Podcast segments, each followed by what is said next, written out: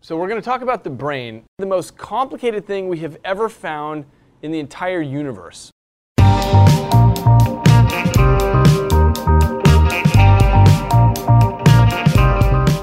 Nöroblog sunar. Sinir bilimde bu hafta.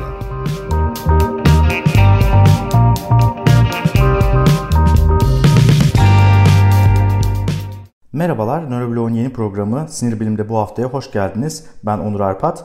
Bu programda Nöroblog Twitter hesabı üzerinden düzenli olarak paylaştığımız sinir bilim haberlerinin haftalık bir panoramasını sunacağız. Sinir Bilim'de bu hafta programına diğer Nöroblog podcast ve sesli yazıları gibi Spotify, Apple iTunes Podcast'ler, SoundCloud ya da Android Stitcher Radio uygulamaları üzerinden abone olarak ulaşabilirsiniz. Sinir Bilim'de bu haftayı işitsel mecralarda takip etmek yerine okumayı tercih ederseniz açıklamada vereceğim linki tıklayarak nöroblog.net adresinden sinir bilimde bu hafta yazılarına ulaşabilirsiniz. Bu adresten ayrıca sinir bilim haberlerinin kaynaklarına da ulaşabilmeniz mümkün. İlk haberimiz yalnızlık demans riskini %40 arttırıyor başlığı taşıyor. Amerika'da Florida State Üniversitesi tarafından yapılan bir çalışmada yalnızlığın demans riskini %40'a kadar arttırabildiği ortaya çıkmış. 12 bin kişi üzerinde yapılan çalışmanın sonuçlarına göre sosyal izolasyon demans riskini arttıran en önemli faktörlerden biri. Çalışmaya göre yalnızlık demans gelişmesine 3 şekilde katkı sağlıyor. Birincisi doğrudan beyindeki enflamasyonu arttırıyor. İkincisi alkol bağımlılığı ya da hareketsiz yaşama sebep olabiliyor. Üçüncü olarak da uyaran eksikliği beynin normal işleyişini bozuyor. Aslında uyaran eksikliğinin beynin normal işleyişini bozduğu haberleri biz daha önce de nöroblogda paylaşmıştık. Örneğin yaşlılarda e, katarak gibi ya da duyma güçlüğü gibi sorunlar uyaran eksikliği yarattığı için demans riskini arttıran sebeplerden. E, yaşlı yalnızlığı giderek büyüyen bir sorun. Yaşlı insanlara arkadaş edinin ki kendinizi demanstan koruyun demek de makul bir çözüm değil bu durumda. Çözüm yaşlıların yalnız kalmasını önleyecek toplumsal yapılar kurabilmekte gibi görünüyor. Tabi bu haberde ilginç olan şeylerden bir tanesi de yalnızlığın nasıl tanımlandığı. Çünkü etrafınızda çok insan olduğu halde kendinizi yalnız hissedebilirsiniz. Ya da çok az insan olduğu halde o insanlarla iyi ilişkiler kurarak kendinizi yalnız hissetmeyebilirsiniz. Bu çalışmada bilim insanları subjektif yalnız hissetme halini kriter almışlar. Yani ben yalnız hissediyorum diyen yaşlıların yalnız olarak kabul etmişler ve yalnızlığın demans için önemli bir risk faktörü olduğunu bulmuşlar. İkinci haberimiz nörohukukla ilgili. Nörohukukla ilgili aslında nöroblog.net'te çok fazla yazı paylaştık. Bu ilginç bir alan. Büyük suçlarda jüriyi sanığın suçluluğuna ikna etmek daha kolay haberin başlığı.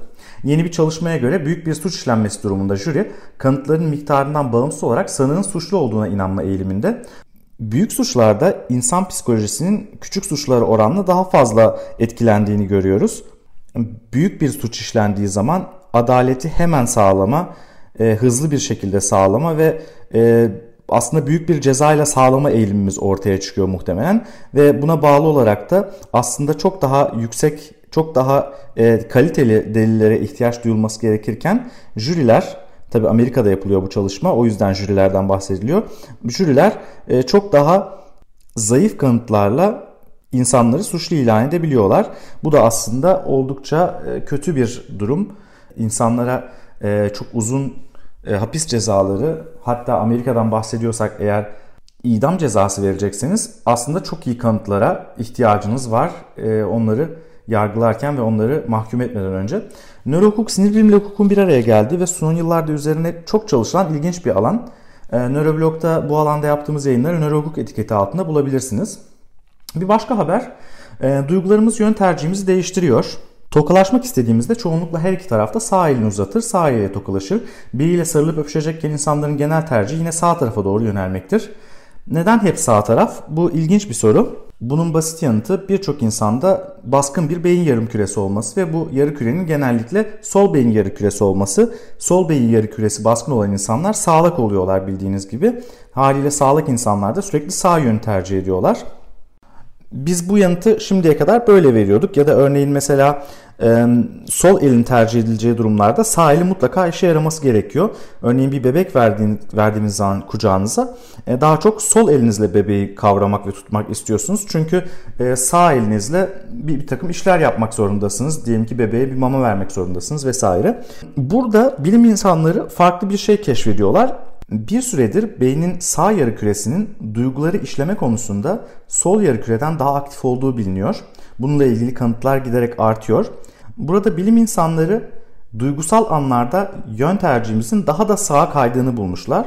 E, şöyle ki beynin sağ yarı küresi duyguları işlediği için duygusal anlarda e, daha da fazla çalışıyor. Bu durumda sağ yarı küreyi fazla kullanamadığımız için vücudun sol tarafına doğru yönelemiyoruz. Daha ziyade sol yarı küreyi kullandığımız için ve sol yarı kürede vücudun sağ tarafını kontrol ettiği için sağ tarafa doğru yöneliyoruz.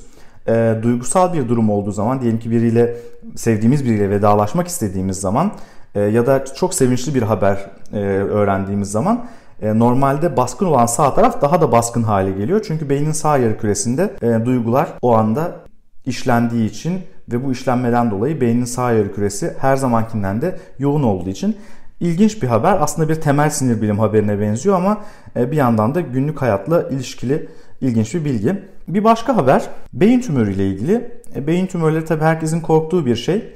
E, burada haberin başlığı şöyle. Büyük beyin her zaman avantaj değil. Büyük beyin yüksek beyin tümörü riskini beraberinde getiriyor.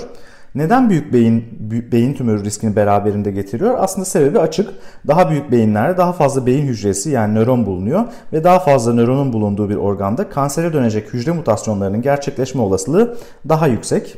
Bir sonraki haberimiz kumarhanelerdeki sesler ve ışıklandırma oyuncuların riskli karar alma davranışını cesaretlendiriyor başlığı taşıyor. Karar alma konusundaki araştırmalar insan beyninin nasıl manipüle edileceğine dair ilginç sonuçlar veriyor. Bu çalışmada onlardan biri. E, çalışmaya göre belirli sesler ve ışıklandırma çeşitleri e, kumarhanelerde oynayan oyuncuların daha fazla risk almasını, daha fazla ortaya para koymasına e, sebep oluyor. Bu da sinir bilimin günlük hayatla kesiştiği enteresan yerlerden bir tanesi. Sonraki haberimizin başlığı erken çocuklukta şiddete maruz kalan çocuklar ergenliğe akranlarından daha önce giriyorlar. Bu aslında hep konuşulan bir şeydir. Yani hayatın erken yıllarında önemli çocukluk travmalarına maruz kalmış çocukların hızlı bir şekilde olgunlaştığı söylenebilir toplumda da. Ee, bu durumun aslında bir nevi bilimsel açıklanması yapılmış yeni bir çalışmada. Şöyle ki şiddete bağlı hızlanmış gelişmenin epigenetik sebeplere bağlı olduğu ve bu kişilerde erken biyolojik yaşlanmaya sebep olduğu düşünülüyor. Uzmanlara göre bu yaşlanmanın izlerine 8 yaşındaki çocuklarda bile rastlamak mümkün. Tabi bu olgunlaşmayla beraber aslında ergenliğe erken girme gibi bir durum söz konusu oluyor. Bunun sebebi de yine epigenetik yani doğrudan DNA'mız üzerinde değil ama DNA'mızın transkripsiyonu, DNA'mızın ifade edilmesi üzerine etkileri e, olduğu düşünülüyor ve bu etkiler üzerinden bunun yaşandığı düşünülüyor. E, ve uzmanlar 8 yaşındaki çocuklarda bile farklılıkların e, görülebildiği ve anlaşılabildiğini göstermişler. Bir sonraki haberimiz bu da yine nöroblogda çok fazla ilgi çeken haberlerden bir tanesi oldu geçen hafta. İnsanlar ilk izlenimlerini oluştururken belli vücut tiplerine belli bazı kişilik özellikleri atfediyor. 76 denek üzerinde yapılan çalışmadan çıkan sonuçlara göre insanlar kilolu insanlara daha sık negatif özellikler mesela tembel ya da özensiz gibi, zayıf insanlara ise daha çok pozitif özellikler mesela kendine güvenli, hevesli gibi atfetme eğiliminde. Denekler klasik maskülen örneğin geniş omuzlu ya da klasik feminen örneğin armut şekilli olduğu iddia edilen vücutlara sahip insanları daha aktif, daha dışa dönük ama daha kavgacı görme eğiliminde. Buna karşılık daha dikdörtgen biçimli vücutlara sahip klasik maskülen ya da feminen vücutlara sahip olmadıkları düşünülen insanlara ise sakin, içe dönük, utangaç ama sıcakkanlı gibi sıfatlar atfediyorlar bir insanı gördüğümüz andan itibaren bir ilk izlenimimiz oluşuyor. Bu ilk izlenimde birçok şey kullanıyoruz aslında. Onların işte ses tonu, hareketleri e, tabii ki çok önemli ama bir yandan vücut şekillerinin de önemli olduğunu görüyoruz ve insanların belli bazı vücut tiplerine belli bazı kişilik özellikleri atfettiğini fark ediyoruz. Bu böyle olmasa bile e, ancak şunu da biliyoruz ki ilk izlenimleri değiştirmek oldukça zor oluyor ilerleyen dönemde. E, bu açıdan da önemli bir çalışma. Haftanın bence en ilginç çalışması şimdi söyleyeceğim çalışma. Yeni bir araştırmaya göre apandisin alınması Parkinson riskini %25 azaltabilir. İnsan ilk okuduğunda şaşırtıcı geliyor. Yani nasıl olabilir? Parkinson ile apandis arasında nasıl bir e, bağlantı olabilir diye düşünüyorsunuz. Ama haberin içeriğini okuduğunuz zaman çok mantıklı gelmeye başlıyor. Şöyle, bilim insanlarına göre apandis nörodejeneratif hastalıklarla ilişkili proteinler için bir rezervuar oluşturuyor. Anlaşıldığı kadarıyla apandis dediğimiz organın içerisinde ki bu evrimsel olarak bir artık organ bunun içerisinde alfa sinüklein adı verilen ve nörodejeneratif hastalıklarda ve özellikle Parkinson patolojisinde önemli bir rol oynayan bir protein var. E, bu alfa sinükleinin e, daha sonra ilerleyen dönemde artması, beyinde görülmesi e, Parkinson hastalığına yol açabiliyor. Parkinson patolojisinde önemli bir rol oynayabiliyor. Bu nedenle erken yaşlarda örneğin bir apandisit olması ve apandisin alınması durumunda e, ilerleyen dönemde Parkinson riskinin %20-25 oranında azaldığı görülmüş. E, ancak hali hazırda yaşlı bir insansınız diyelim ki 70 yaşındaysanız ve apandisit olup apandisinizi aldırdıysanız e, bu noktada riskiniz azalmıyor çünkü zaten olan olmuş oluyor. E, bu çok ilginç bir durum. Bir yandan da aslında Parkinson'un da aslında bir çeşit bağışıklık sistem hastalığı olduğunu gösteriyor.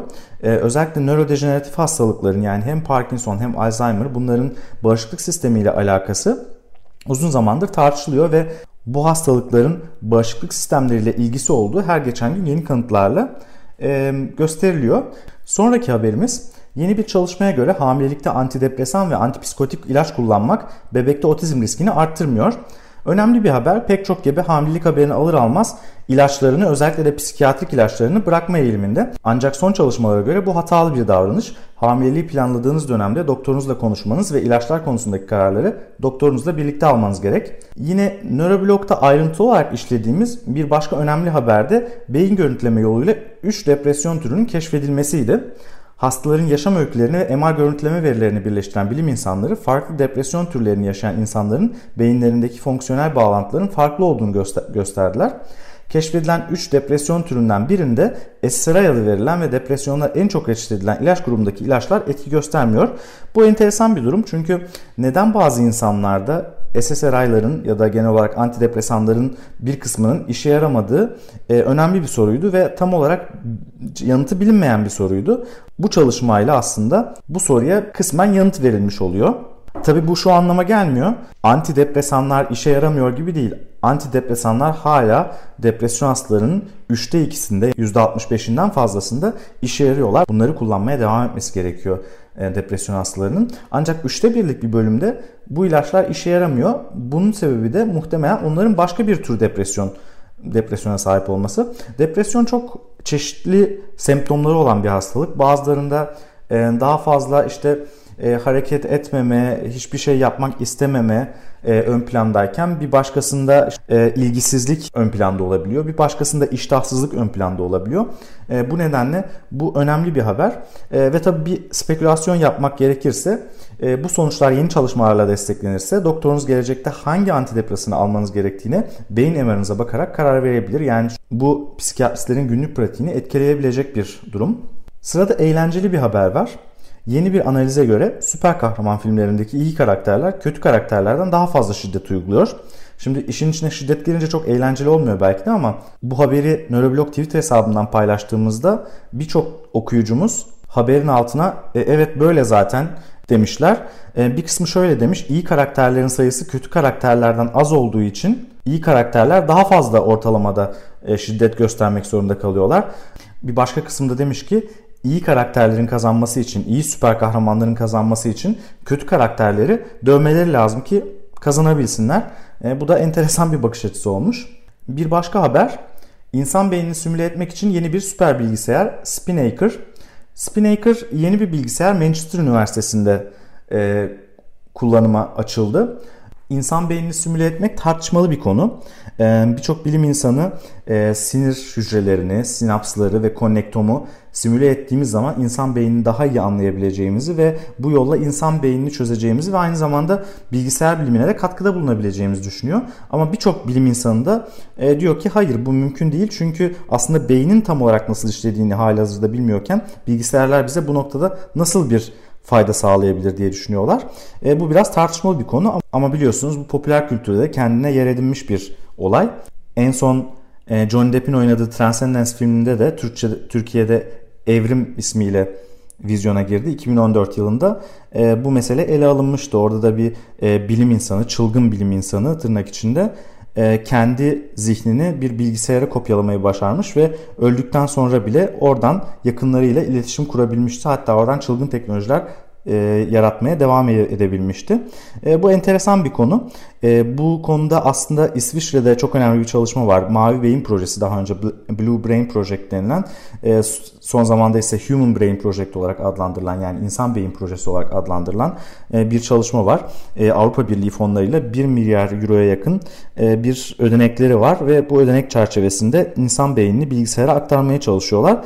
Bu Manchester Üniversitesi'ndeki yeni süper bilgisayar Spinnaker'da aslında insan beyin projesinin bu Avrupa Birliği projesinin yeni bir parçası. Ee, bu da enteresan bir şey. Olabilecek mi, olamayacak mı ya da çok hızlı olabilecek mi bunu bilemiyoruz şu anda ama e, her şeye rağmen enteresan bir gelişme. Saniyede 200 milyondan fazla işlem yapma kapasitesine sahip olan süper bilgisayar Spinnaker 15 milyon sterline mal olmuş. 20 yılda tasarlanmış ve kurulması 10 yıl sürmüş. E, bu süper bilgisayarın da beyni bilgisayar ortamında simüle etme çalışmalarına hız kazandırması bekleniyor. Son haberimiz Kahve içmek Alzheimer ve Parkinson riskini azaltıyor olabilir. Kahvenin sinir hücrelerini koruyucu yani nöroprotektif etkileri uzun zamandır biliniyor. Son dönemde yapılan çalışmalar kahvenin e, multiple skleroz, MS yani, Alzheimer ve Parkinson gibi sinir sistemi hastalıklarına karşı koruyucu olabileceğini gösterdi.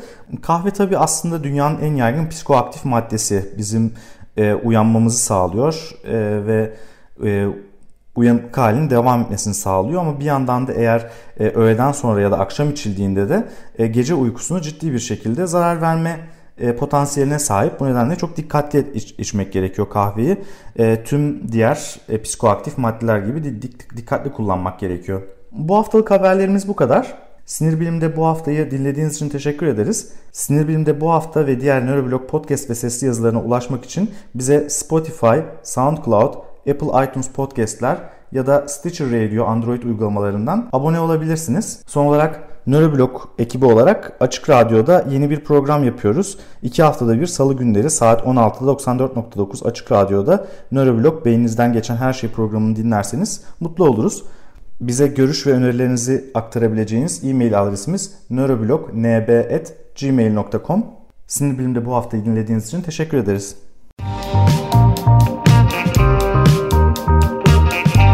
amazing things are going to come out of that kind of work. Yeah. Música